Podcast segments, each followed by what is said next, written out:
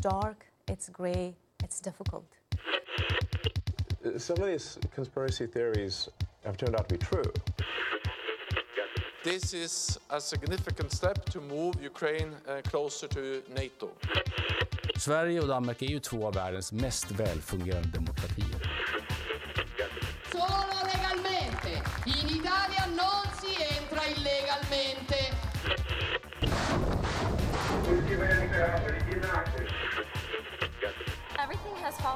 Place. I feel really good about where I am right now.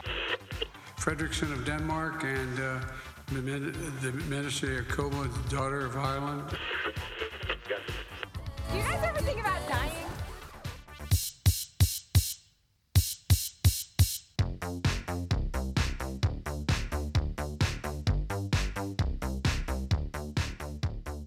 Þú ert að hlusta á heimskviður Þáttinum það sem gerist ekki á Íslandi. Ég heiti Birta Bjöstóttir. og ég heiti Bjarni Pétur Jónsson.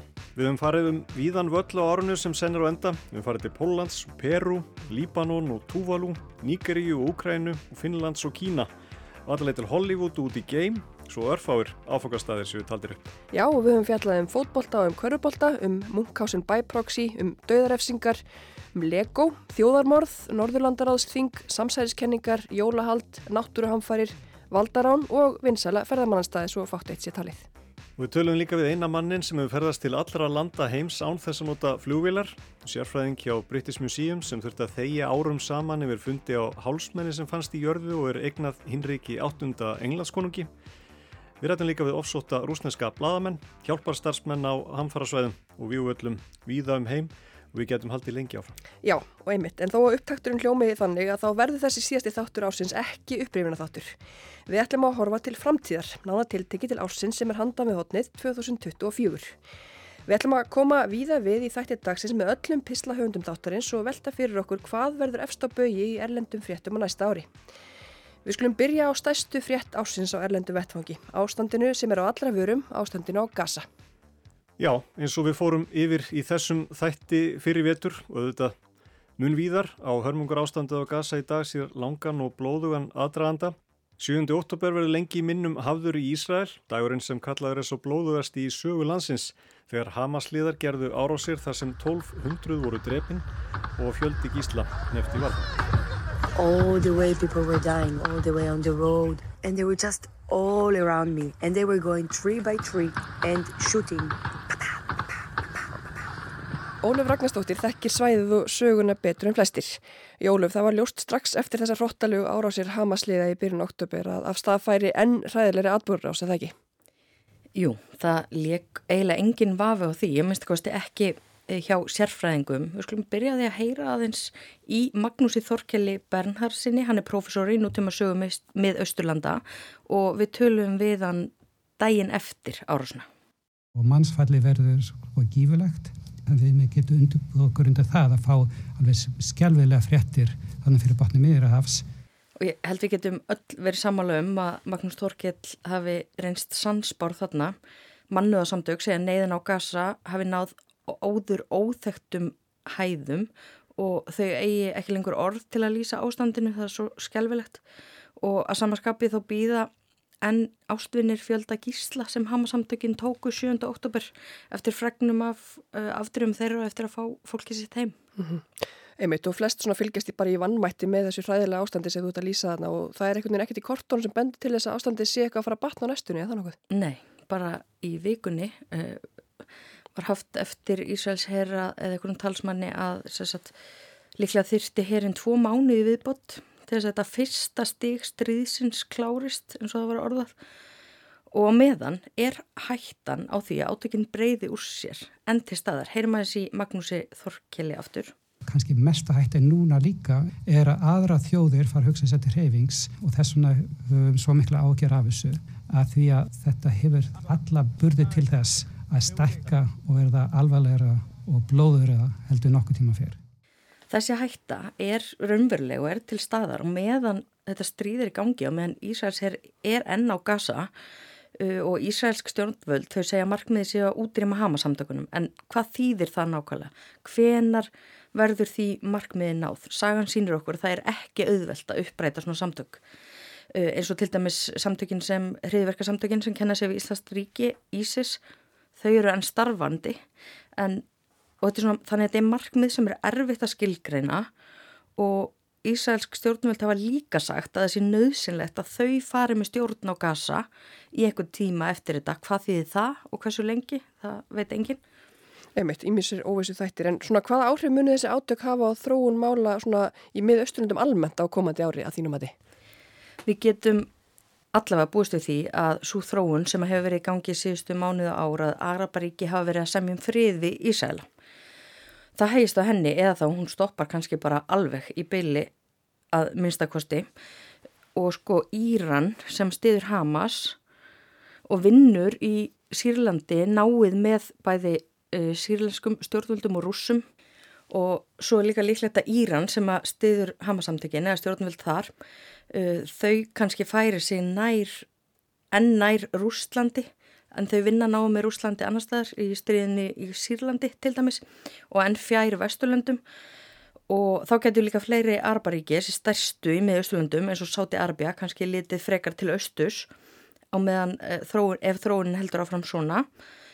Og það er nú útlitt fyrir að sko Sáti Arabia saminuðu arbísku fyrstadæmin í Egiptaland og Íran verður hluti á BRICS samstarfinu á næsta ári. og fyrir eru þar einmitt Kína, Rúsland, Indland, Brasilia og Suðrafrika og þetta er samstarf sem bæði efnaðslegt og pólitíst og hugsað sem mótvægi við Vesturlund. Og mér langar líka að segja að lókum að ég óttast bara það hvað þetta stríð búið til marga nýja hamasliða ef við getum orðað sem svo. Maður getur bara ímynda sér að fylgjast með því sem er í gangi þarna og og þau sem að lifi hennar hrylling af og eða kannski sita til dæmis hér á Íslandi og horfa á alla fjölskyldunum sína þurkast út á einu bretti að fólk verði kannski móttækilegt fyrir því að, að taka þátt í einhverjum hendar aðgerðum gegn, eh, gegn Ísrael og jáfnvel öðrum löndum sem að þykja svona sita hljóð hjá eða jáfnvel styðja þetta.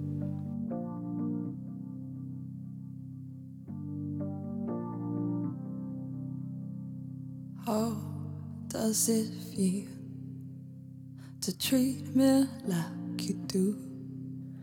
Áður en blóðsúthellingarna stigumögnust á svæðinu sem dilt hefur verið um í áratugi var ástandið í Úkrænu fremst á flestum fréttasíðum. Í dag er eitt ár, nýju mánuðir, þrjár vikur og þrýr dagar síðan Rúslands herr riðist inn í Úkrænu. Og Dani Hulda Ellensdóttir hefur síðan þá og reynda miklu lengur fylst vel með í Rúslandi og Úkrænu. Manni finnst svona Úkræna hafa fallið svolítið í skuggan af átökunum á Gaza. Hvaða, hvaða áhrif hafa þau átök á stríði Úkrænu?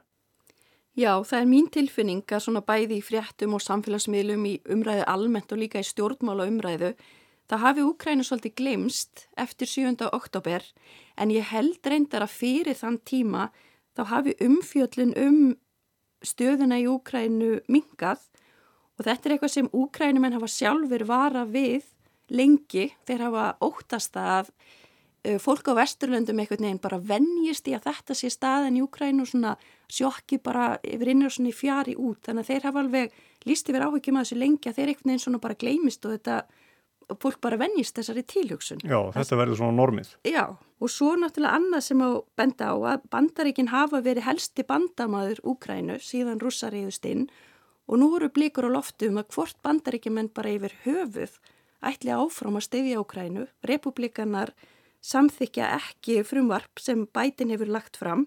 Þeir segja vilja peningarnir fari frekar í að styrkja landamærin í söðri og svo eru bandaríkinu auðvitað líka mikill bandamæður Ísæla og því eru veldu upp geta bandaríkin stutt bandamenn í tveimur stríðum, er, er það ekki allt og dýrt?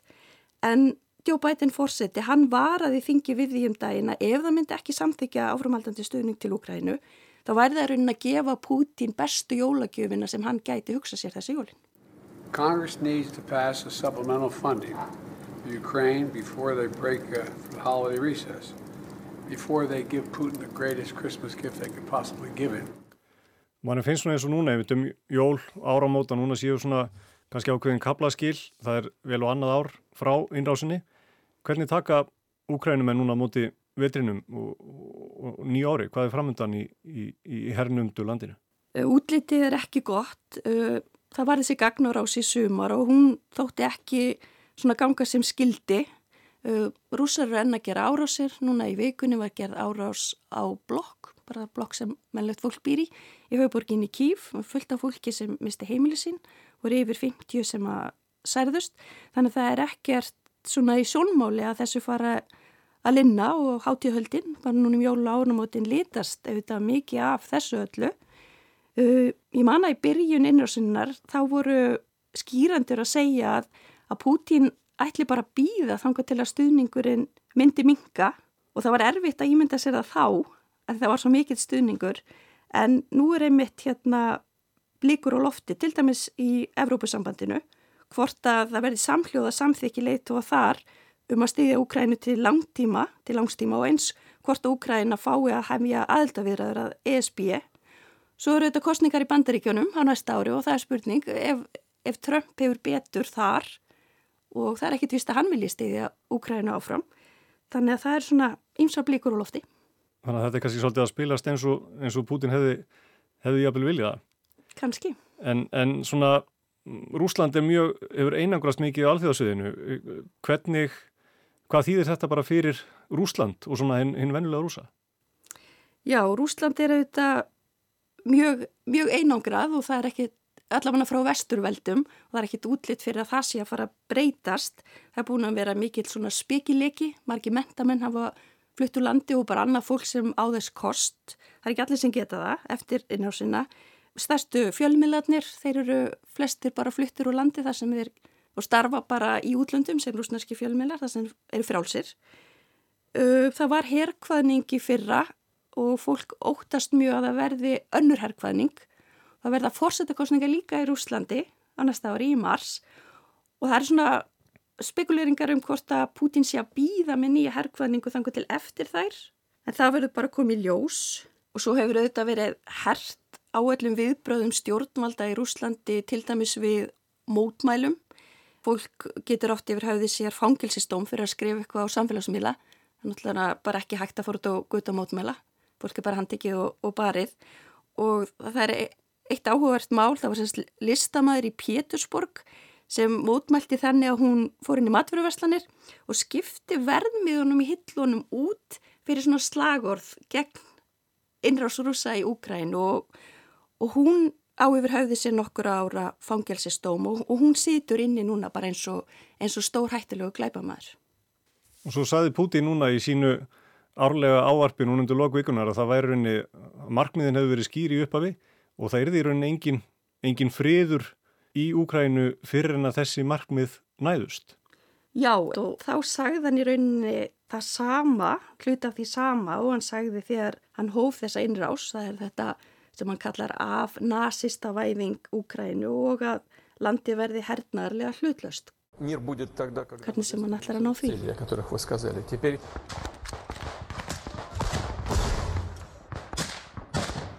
Þó að átökinn bytnuðu þetta vest á Úkrænumunum sjálfum þá hefur innrás rúsa haft viðtak áhrif viðaðum heimlíkt og í tilfelli gasa.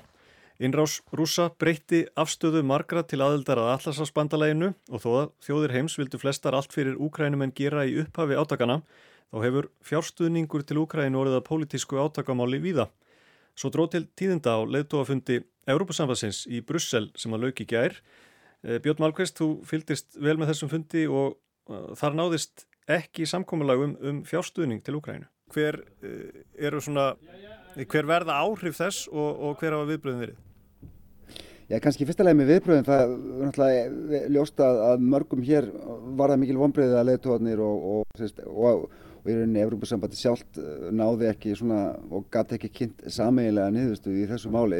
Uh, Orban, Viktor Orban, fórsettisáþara Ungverðarlands, hann stóði í rauninni einn á móti hinnum 26 leðtugum aðalduríkjana en margir þeirra voru hins vegar í gerðmorgun að, að, að fullvisa viðmælendur og þar með, með almenningu og úkrænum en að, að Úkræna þurfi ekki að hafa miklar áhyggjur allavega ekki til skamstíma. Þetta, þetta verði annarkort afgreitt á, á auka leðtugafundi sem að núna stendur til að halda í næsta mánuði e, þar sem að fjallaverður um þetta mál sem og fjárlög Európusambandsins eða þá að, að, að ríkin 26 sem að, sem að styðja þennan pakka þau komið þessum peningum til Úkrænu með, með einum eða öðrum hætti þar að segja tvíhliða samningum til dæmis en það er ekki auðvitað, það er auðvitað ekki óskalustnin í þessu sammingi af því að það, að því það er og hefur verið mjög mikilvægt fyrir, fyrir sko, sko Evrópusambandið að að sko, sína sem best að það séu engir eða allavega sem minnstir brestir í,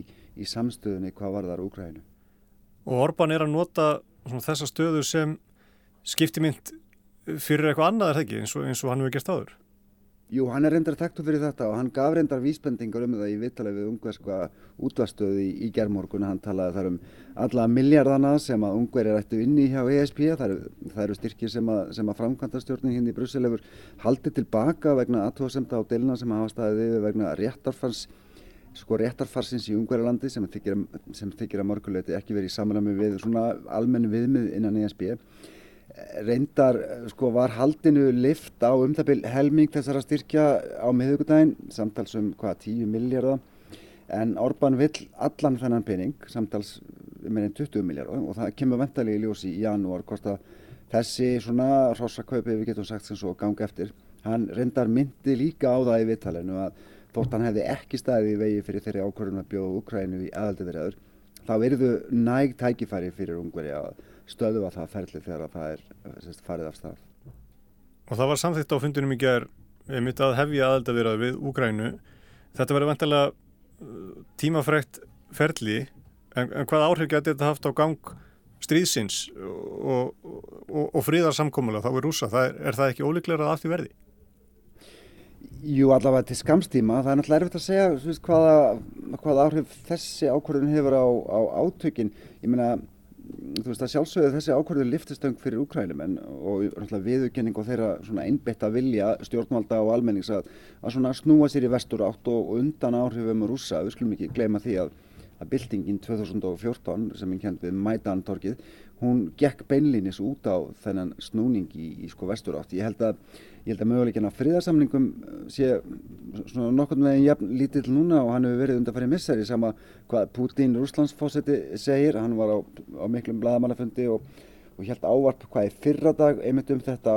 E, og það mun held ég gjörsamlega að fara til stöðunni á vigveilinu, hvernig og hvenar stjórnvöld í Kiev og Moskvu fara svona alvöru að ræða um, um, um sko mögulega samninga. Það getur svona Þú veist, það geti alveg gæst að sko, stuðningur bandaríkjamanna fari minkandi ef þessi deila á bandaríkjaþingi uh, fyrir ekki að leysast fljótlega en uh, stemningin með að leiðtóa hérna megin allarsafsins allavega 26 leiðtóa aðaldaríkja Európusambansins er þannig að mínum mati að maður geti alveg séð fyrir sér aukin fjárhagslegan og hernaðilegan stuðning sérstaklega kannski þegar það er búið að taka ákvörðun, þessar ákvörðun um, um aðaldavirðar og þannig svona á mjög tákgrannan hátt segja þú veist, Úgræna tilherir þessum klúb, hún tilherir okkar hópi, uh, hún mun tilherra til framtíðar og, og við viljum gera það sem við getum til þess að, til þess að það verða veruleika. Og við horfum aðeins lengra fram í tímanin í næsta ár og, og hjá Európusambandinu og þér í Brussel, hérna, það eru Európustingskostningar á, á næsta ári, við sáum bara núna fyrir nokkrum vikum hægri öfgaflokkana svona þess að þetta raðirnar Hverju megum við búast við þar? Já, þetta er stóra málið í Európa-politíkinni af ári komanda. Það verður kosið í snemma í júni uh, um þessa 720 þingmenn sem að sitja á þinginu hérna í Brussel og í Strasbourg uh, og það er eins og nefnir. Það er svona, hefur verið aukin uppgangur uh, síst, já, flokka sem eru svona talsvert lengra til hægri á liturofi stjórnmálana heldur en svona þessir hefðbundnu miðjusettu stóru hægri flokkar sem eru og hafa verið svona mjög öflugur í Evrópu eh, það er, ég meina, þú veist, sko, ég meina, horfum bara á, á Gert Vilder og hans frelsinsflokki í Hollandi. Eh, þíski þjóðurnisflokkurinn stendur mjög sterkur í, í skoðanakonunum, hann er næst stærstu núna og eftir kristilegum demokrátum, eh, flokkur Marine Le Pen í Fraklandi og, og, og það má tellja áfram. Eh, sumir af þessum flokkum er með sér komnir í ríkistjórnir eins og í já, Svíþjóð og Finnlandi og, og annar staðar. En, en þetta verður stóra málið hér fram eftir, eftir ári vegna þess líka að þetta hefur áhrif á sko, veist, valda hlutvöllin á, á, á Európaþinginu kannski breytast ekkit gríðarlega mikið en ég held að áhrif sko flokkahóparna sem eru lengt til hægri munu aukast með auknum þingmannafjölda. Þetta, eh, og, og svo dýnamík mun líka sko skila sér inn í veist, val á framkvæmdastjórum og þegar kemur að því að velja semst, nýjan fósetta framkvæmdastjórnarinnar. Og það er kannski engin tilviljun að, að, að Orban talaði mitt um það í gær að, að það ætti að fresta þessari ákverðunum fjárveitinga til Ukraínumanna fram yfir þingkostningarnar til Everbútingsins í júni. Hann er ljóslega að horfa til þess að þar verði hægri menn komli með meiri áhrif og, og hans sjónamið fái meiri hljómgrunn. En, en, en, en þetta er það sem að muni einkenna svona umræðina fyrir utan nú að sjálfsögðu Úkrænu og allt það og aðeldavirðaður sem að vantanlega fara af stað já, með vorinu myndi ég ætla. Það er taka náttúrulega mörg mörg ár en þetta er upphafið. Þetta er líka upphafið að öðru tímabili í sögu Europasamansins sem að mun á næstu árum telja markast af, af, af stækkunum þess til östurs og söðurs. Úkræna, Moldova, uh, ríkin á, á vesturhjóta Balkanskans, uh, Georgia. Uh, þannig að það tímabili er að fara af stað. Við getum séð Europasambandi verið orðið að sko, 36-37 ríkjum eftir hvað er að segja 10-15 ár. Sem áðursæði hafði innrás rúsa þau áhrif að tvö norðurlönd sem fyrir það stóðu fyrir utan NATO breyttu skindilega algjörlegum kúrs með yfirgnæfandi stuðningi landsmanna, bæði í Svíþjóð og Finnlandi. Hallgrimur Indriðarsson fylgist með öllu sem gerist á Norðurlöndunum. Ég Hallgrimur verða varnamálun áfram málmálun á Norðurlöndunum á nýju ári og þá kannski með hvaða hætti? Já, það er alveg hætti því að uh, þau verði mjög stort mál eins og hefur bara verið nánast frá því innrás rúsa í Ukrænu hófst. En það sem er kannski að gerast núna er að nú eru fyrir utan náttúrulega það að svíjar eru að dettin í NATO finnar að komnir inn. Það er að aukast, aukast uh, samskipti við bandaríkin. Uh, Svíjar eru nýbúinir að gera samning uh, um viðveru bandaríkjumanna, finnar munu gera slíkan samning núna strax eftir helgi, norðmenn eru þegar með samning og danir eru í viðræðum. Þannig að það sem verður kannski áhugavert á næsta ári er hver byrtingamyndin af þessu verður og hvort að við eigum þá eftir að sjá fjölgun á bandarískum hermunum á uh, norrætni grundu á, á nýja ári. Einmitt. Mm, það eru ekki marga kostningar fyrir hugaður Norrlöndurum að óbreyttu en hvað annað en varnamálun verður svona efst á bögi hjá nákvæmna þjóðum okkar heldur? Uh, náttúrulega fyrir utan þetta þá hafa stóru málin uh, síðustu árin verið uh, umhverfismálin og, og svo orkumálin í, í samengi við það og þannig verður það áfram en munu hafa svona aukna samvinnu í því að framleiða endurníjanlega orku og, eru, og þa þannig verður það í raun og veru allstar vindmilur og frekara vassafl og, og sólarorka menn það á eftir að vera meira menn gera meira skurki í, í þessu. En það sem verður líka áhugavert er að fylgjast með hvernig þróunum verður í ákveðnum stjórnmálaflokkum á Norðurlöndunum. Uh, verkamannaflokkurinn í Noregi hefur verið í ákveðinni krísu og kom ítlátu síðustu sveitastjórnarkostningnum þar, þar náttúrulega Jónas Garstöri fósættisáðira að leiða flokkinn og og hvernig, hvort honum tekst að koma flokknum aftur upp úr þessari krísu, það verður áhugavert. Uh, síðan er venstre í Danmörku, þar eruðu leðtóaskipti og sáflokkur hefur verið í ákveðnum vandræðum sem og líka íhaldsflokkurinn, þar sem leðtógin eiginlega viðurkendi hálgerða kulnun í, í hjartnæmu viðtali. Þannig að uh, þarna eru ákveðnar hræringar sem verður líka áhugavert að, að fylgjast með á nýja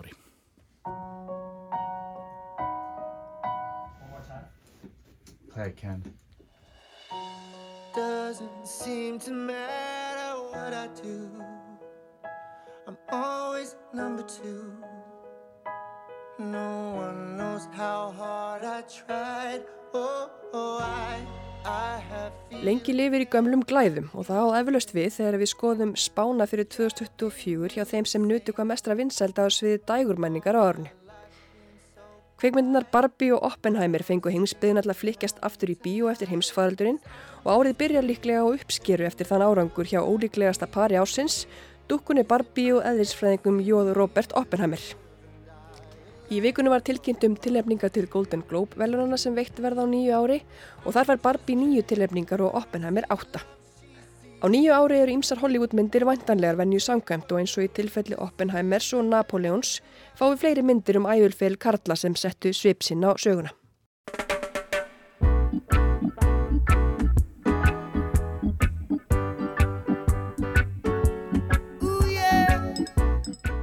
Jamaiski tónlistamæðurinn Bob Marley og ítalski bílaframleðandin Enzo Ferrari eru meðal þeirra sem fá æðisögur sína leiknar á kvítatjaldinu á nýju ári. You. Taylor Swift heldur áfram tónleikaferðalagi sínu fram í nóember á næsta ári. Tónleikaferðalagi sem hefur sleið hvert metið á fætur öðru og ekkert í kortunum sem sínir annað en að fræðarsól Swift haldi áfram að skína enn skærar. Vintage tea, brand new phone, high heels on, cobblestones. When you are young, they assume you know nothing. Heimskuðu fjölluðu ítarlega um Taylor Swift fyrir í haust og síðan þá var Taylor Swift valin manneski ársins 2023 hjá tímaritinu Time. Og hún heldur áfram að brjóta blöð og er fyrsti listamæðurinn og skemmtikrafturinn sem hlýtur þessa nafn og tímaritsins. Vinsaldi Swift eru óumdeildar. Öllu umdeildari er komandi söngvakeppni Evróskra sjónvastöða sem haldin verður í Malmö í Svíþjóð dagana 7., 9. og 11. mæ.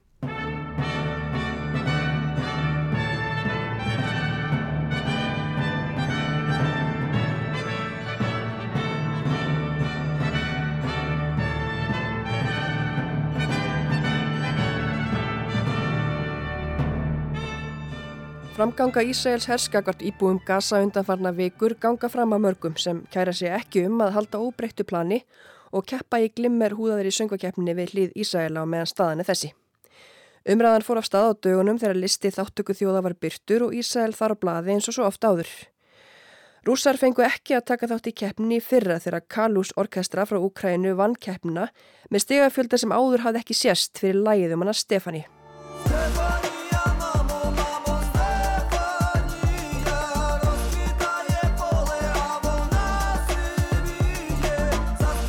Palestínumenn hafa reyndar aldrei tekið þátt í Eurovision en það hafa Ísraelsmenn gert frá árnu 1973 og hafa unnið fjórum sinn. Þó umræðanum þáttöku Ísraels í keppni og löngun til að keppa við þau sé farin af stað er hún rétt að byrja og hún mun halda áfram á nýju ári.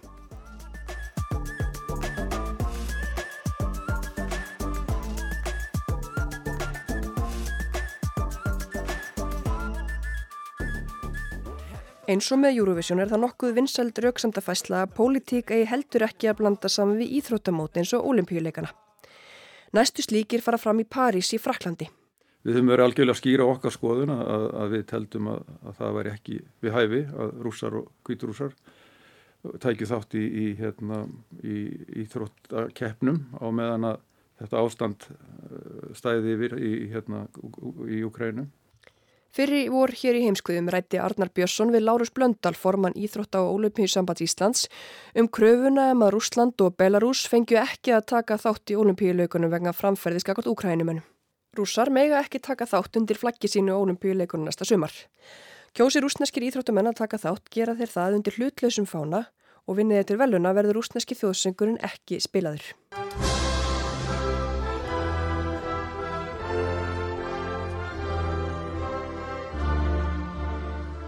Og eins og með Eurovision heyrist krafa nú um að Ísrael fái ekki að senda keppendur til Parísar í sumar. Palestína hefur sendt 2-6 íþróttamenn á sumarólimpíuleika frá árunni 1996 í frjálsum íþróttum, júdó og sundi meðal hans. Ísraels menn hafa tekið þátt frá árunni 1952, fjórum árum eftir að Ísraels ríki var stopnað. Þeirra var sendt 3-90 íþróttamenn til leiks og unni til 13 veluna í ýmsum íþróttagreinum. Áratugalangur ófríðurinn hefur endur áður sett marksitt á olimpíuleikana og þá með hörmulegum hætti. Árið 1972 réðust palestinski liðsmenn hersveita samtakana svartur september inn í olimpíuþorpið og myrtu tvo úr ísraelska liðinu og tóku nýju gísla. Hvorur í þjóðinni hefur verið meinu þáttakaði leikurum hinga til en ljóst er að krafan verður hávarir í tilfelli þáttöku Ísraelsmanna þegar nær dregur olimpíuleikunum ef hörmungarnar halda áfram á gasa. Önnur heldur óvæntari áskorun sem skipulegjöndur olimpíuleikana standa fram með fyrir að þessu sinni eru veggjalís sem hafa gert sér heimakomnar mjög víða í París og eru orðna pláa þar í borg. Það á samt öryggiskeslinu og öllu hínu er nokkuð sem þarf að laga fyrir 27. júli þegar leikarni verða settir.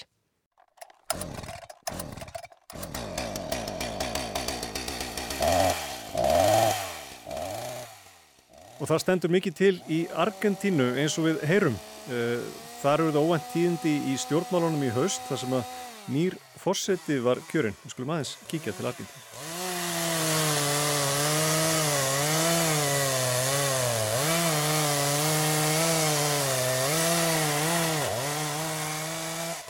Þetta keðjusögin sem nýkjörinn fósetti frjálsíkjumadurinn Javier Milei ætlar með á kerfið. Hann bóðar mikið niðurskurð og er komið með sögin á loft. Milei var heimsþektur á svip stundu fyrir afar litrikan persónuleika, var oft líftið Donald Trump og fór mikinn í ræðum sínum á kostningafundi. vuelva a ser una potencia mundial. Muchas gracias y ¡viva la libertad, carajo! ¡Viva la libertad, carajo! En núna eftir kostningar en eins og nýr og mun róleri maður standi í ræðustólnum. Með glerugun fremst á nefbrotinum tilkynnti hann Argentinumönnum í vikunni um niðurskurðar aðgerðir sem gert er ráð fyrir að verði alltaf 3% af þjóðarframleyslu. No hay plata.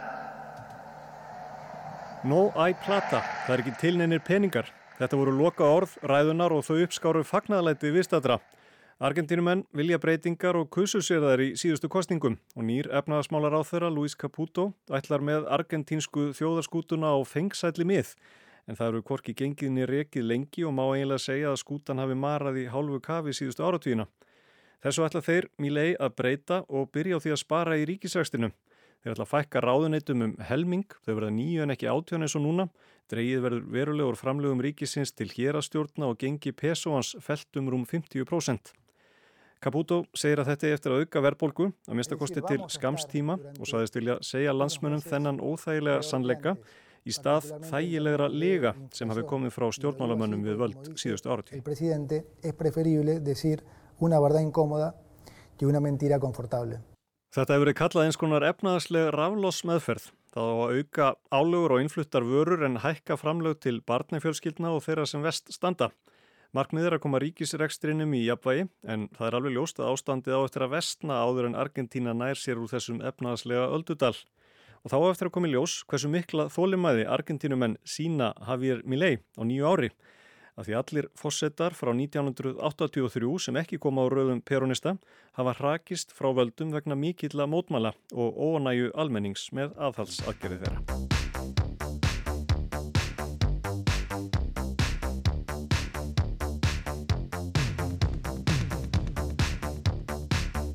Orkumálin verða fyrirferða mikil í umræðinu á Norðurlöndunum eins og Hallgrimur Indriðarsson kom inn á hér áðan og það sama verður líklega upp á teiningum í Ástralíu. Stephen nokkur Miles tók í vikunni formlega við embætti fyrsta ráð þeirra Queensland í Ástralíu. Hann sló tónin í setningaræðu sinni og segist ætla að draga úr útblæstri gróðurhúsaloftegunda í ríkinu um 75% fyrir árið 2035. Það er umtalsir aukning frá fyrra markmiði sem var 30%. Umhverjusvenda sinnar hafa mært þetta markmiðins nýja hæstráðanda í Queensland og ljósta fordæmi hans setur pressu og aðra hæstráðandur í landinu sem á stjórnvöld að gera betur. Og þetta er mikilvæg umræða þarna hinnum einn á hettinum því að Ástralja er að miklu leiti knúin á kólum og ríkið er einn helsti útflýtjandi jarðefnan eldsneitis í veröldinni. Þessi markmið Miles tala einni inn í nýfengna niðurstöðu COP28 loftslagsráðstefnunar þar sem markmið um að draga úr nótkun jarðefna eldsneitis er í fyrsta sinn sett í samkómulag ráðstefnugesta. Orðalagið í samkómulaginu er á þann hátt að ríki heims leggir sitt að mörgum við að færa sig úr jarðefna eldsneiti og yfir í aðra orkugjafa en þó er endur ekki talað um að hætta nótkun þeirra.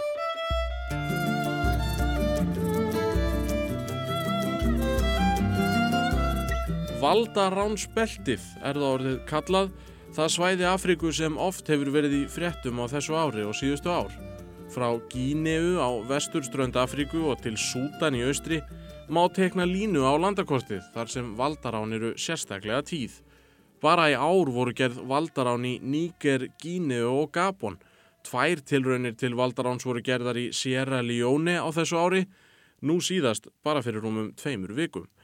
Svo var gerð mishefnuð valdaránstilrun í Burkina Faso í september þrátt fyrir að valdarán hafi hefnast þar bara ári áður. Svo braust út borgarastyrjöld í Sútan í vor sem á skilgreina sem valdaránstilrun og í hittu þeirra rændu hermenn völdum í Mali og svona var hægt að halda lengi áfram. Fellow Sierra Leoneans, in the early hours of this morning, there was a breach of security at the military barracks Flest þessi lönd eiga það sammert að hafa verið undir hæl frakka á nýlendutímanum og þá spyrja sem margir er eitthvað við yfir á frakka á sínum tíma og áhrif enn í dag sem gerir að verkum að valdarán séu svona tíð. Stuðullin er að minnst okkurst ekki íkja hár á að fleiri valdarán verið gerð, að minnst okkurst er reynd árið 2024. Þessum valdaránum hefur fyllt aukin áhrif rúsa á svæðinu Vagner málarlega herrin rúsneski hefur verið stórtækur á þessu svæði. Hermála yfirvöld ríkjana sem umræðir hafa enda ekki verið sérstaklega ánað með tilraunir frakka til að kveða í kútin herskáa íslamista sem halda sig til við jaðar Sahara-eðumerkurinnar í norðri og gera íbúðum þessara landa oft lífið leitt. Kanski að Vagner málaliðar standi sér betur, hugsa herfóringarnir. Í staðin fá Vagner liðar og þar með stjórnvöld í Moskvu aðgangað allskins auðlindum og öðru fíneríi, ólíja, demantar, gull og úran. Era na 59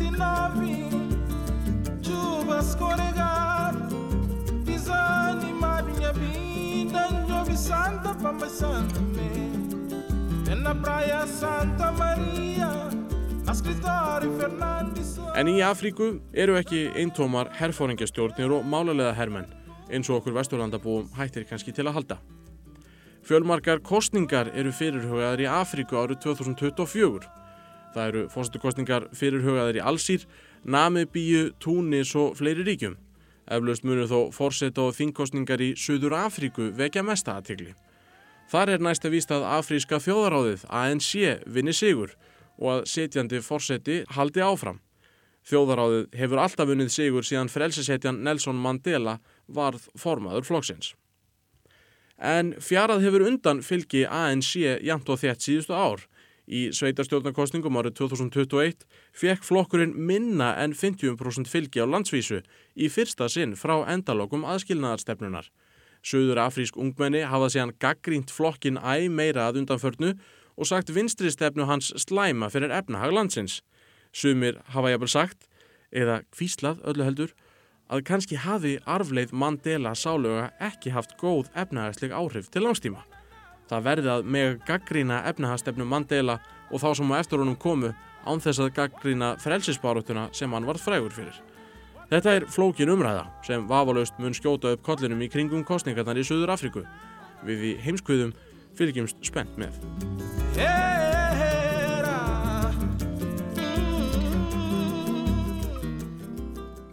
Og við erum líka spennt fyrir átökum stórveldana.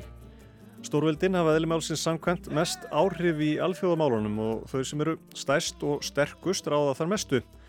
Þar eru að verða miklar breytingar. Sá tímið þar sem stórveldin voru bara tvö, Bandaríkin og Rúsland, er á enda og ný stíga fram, oft á tíðu með aðrar áherslur og hugmyndir um heiminn. Kína er þar fremsti í flokki og við rættum fyrir vetur uppgang kínverja við Hilmar Hilmarsson, professor við Háskólan á Akureyri. Kína er að, er að ná verulega miklum völd, völdum í heiminum. En, en ég meina bandaríkin eru ennþá að, að mínu dómi sterkast á stórveldið, ríkast á stórveldið og her, hernaðarlega upplugast en samt sem áður þá stöndur bandaríkinum ógnað þessu og, og Kína er, er farið að verða ansi erfittar, þannig að, að, að ég skil alveg ógn ógn bandaríkina, þannig að þetta er mjög erfitt fyrir bandaríkina að stöðva þetta, stöðva vöxt Kína, þetta sé útilokkað. Bandaríkin óttast uppgang Kína og aukin áhrif, ekki síst á norðurslóðum. Lísa Mörkáski, öldungadeldar þingmaður Alaska, segir að fundir norðursköldsráðsins hafi verið litaðir mjög af þessu síðustu miseri. Sérstaklega vegna Úkrænustríðsins en einnig aukina samskipta kínverja og rúsa. They look to, to others to partner and their look was to China. There is an alliance that we are seeing develop that um, I find very troubling, very worrisome.